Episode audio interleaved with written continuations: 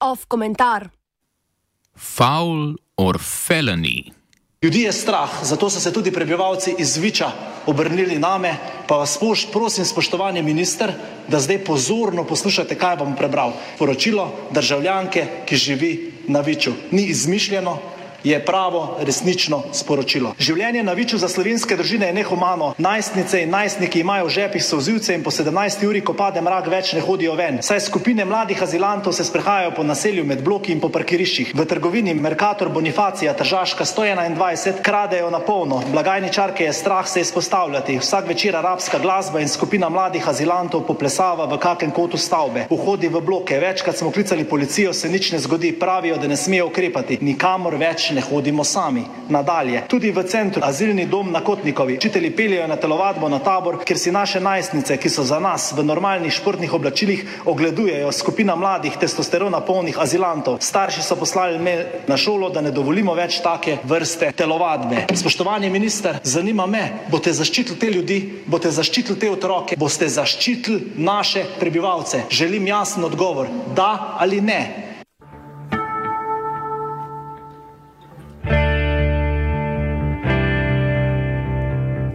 S prebrano izjavo prebivalke Viča je poslanec Nove Slovenije Aleksandr Rebršek skušal demonizirati migrante iz Ljubljanskega azilnega doma. V izjavi je na splošno prebivalstvo apeliral z navezo na otroke in ženske, dve skupini, ki v družbi veljata za potrebni posebne zaščite. A nuja po zaščiti žensk pred pogledi mladih testosterona polnih azilantov Za poslanca Rebrška in ostale konservativne v svoji srži ne vsebuje dejanske želje po varnosti in splošni dobrobiti žensk.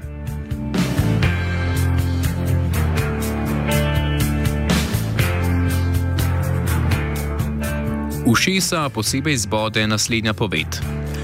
Učitelji peljajo na telovadbo na tabor, kjer si najstnice v za nas normalnih športnih oblačilih ogledujejo mladi, testosterona polni migranti. Poved zelo očitno implicira, da migranti v športno opremo oblečene šolarke vidijo kot premalo oblečene. Gre za implikacijo, ki je problematična na več kot enem nivoju. Predpostavlja, da migranti zaradi svoje kulturno-religiozne pripadnosti za slovenske ženske predstavljajo nevarnost. Za najstnicami v športni opremi se, kako pak, sploh ne slinijo njihovi sošolci, učitelji in mimoidoči. Ti žensk po logiki izjave zaradi nošenja kratkih hlač med športno vzgojo ne bi oklicali za potrebne kurbice temveč bi nas videli kot popolnoma normalne. Slovenski moški, ki jim zaradi odsotnosti izkušnje pohodov zahodnjaških imperialistov in neokolonialnega izžemanja ni treba zapustiti domovine, vsi ti moški ženske okoli sebe seveda dojemajo kot spoštovanja vredne sodržavljanke. Ne le to. Ti moški ženske obravnavajo kot so ljudi in ne kot kos mesa, zaradi tega pa nas prav gotovo ne posiljujejo in morijo, niti slinijo se ne za nami.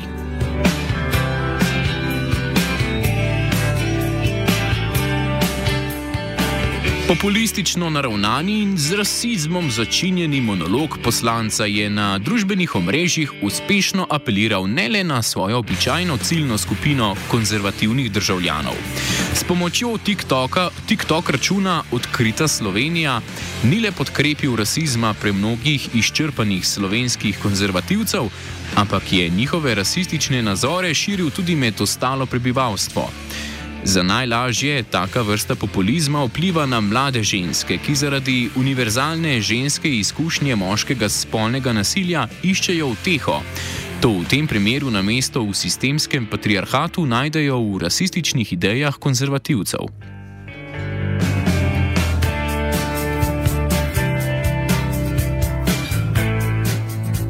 Iskanje utehe in potrditve lastne varnosti v rasizmu proti imigranskih politik, namesto v sistemskem razmisleku, ni le napačno, temveč je tudi neproduktivno.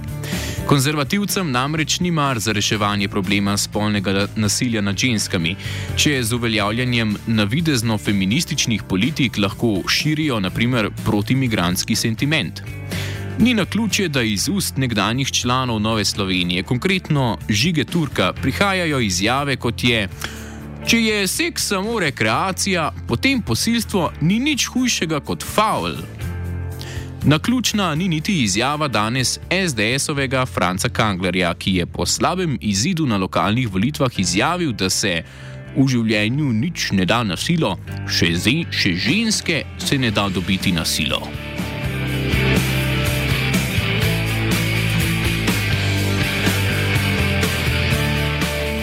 Obravnava posilstva kot nečesa zanemarljivega ali predmeta šale je v vrstah slovenskih konzervativcev trend in hkrati norma. Ravno zato deluje patetično, ko se konzervativni politiki začnejo burno zauzemati za žrtve spolnega nasilja, kar vedno počnejo v želji po širitvi svojega antimigranskega sentimenta.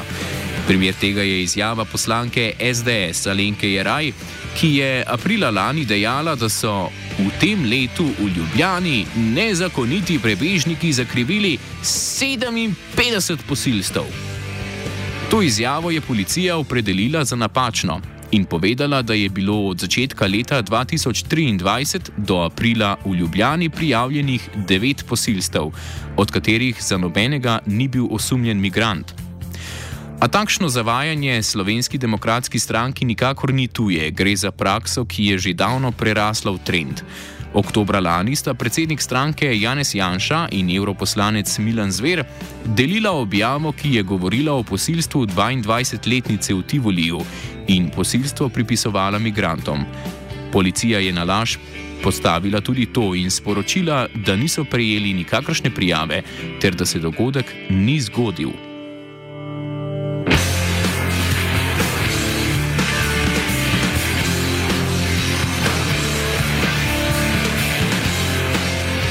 Konservativne stranke se za preprečevanje spolnih napadov na ženske zauzemajo le, ko jim navidezna feministična retorika omogoča populariziranje načel, ki so jim resnično zavezani. Ničesar pa pod pretvezo ščitenja žensk ne izražajo raje kot svojih rasističnih, antimigranskih stališč. Z izrazito rasistično retoriko konzervativci v resnici ne izražajo zgolj svojega sovraštva do migrantov, temveč tudi sovraštvo do žensk, ki smo za nje spet in spet le predmet izrabe.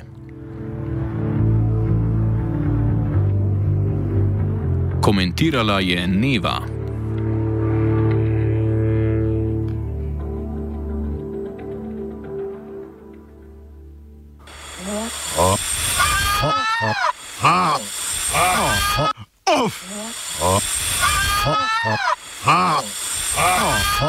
Off komentar.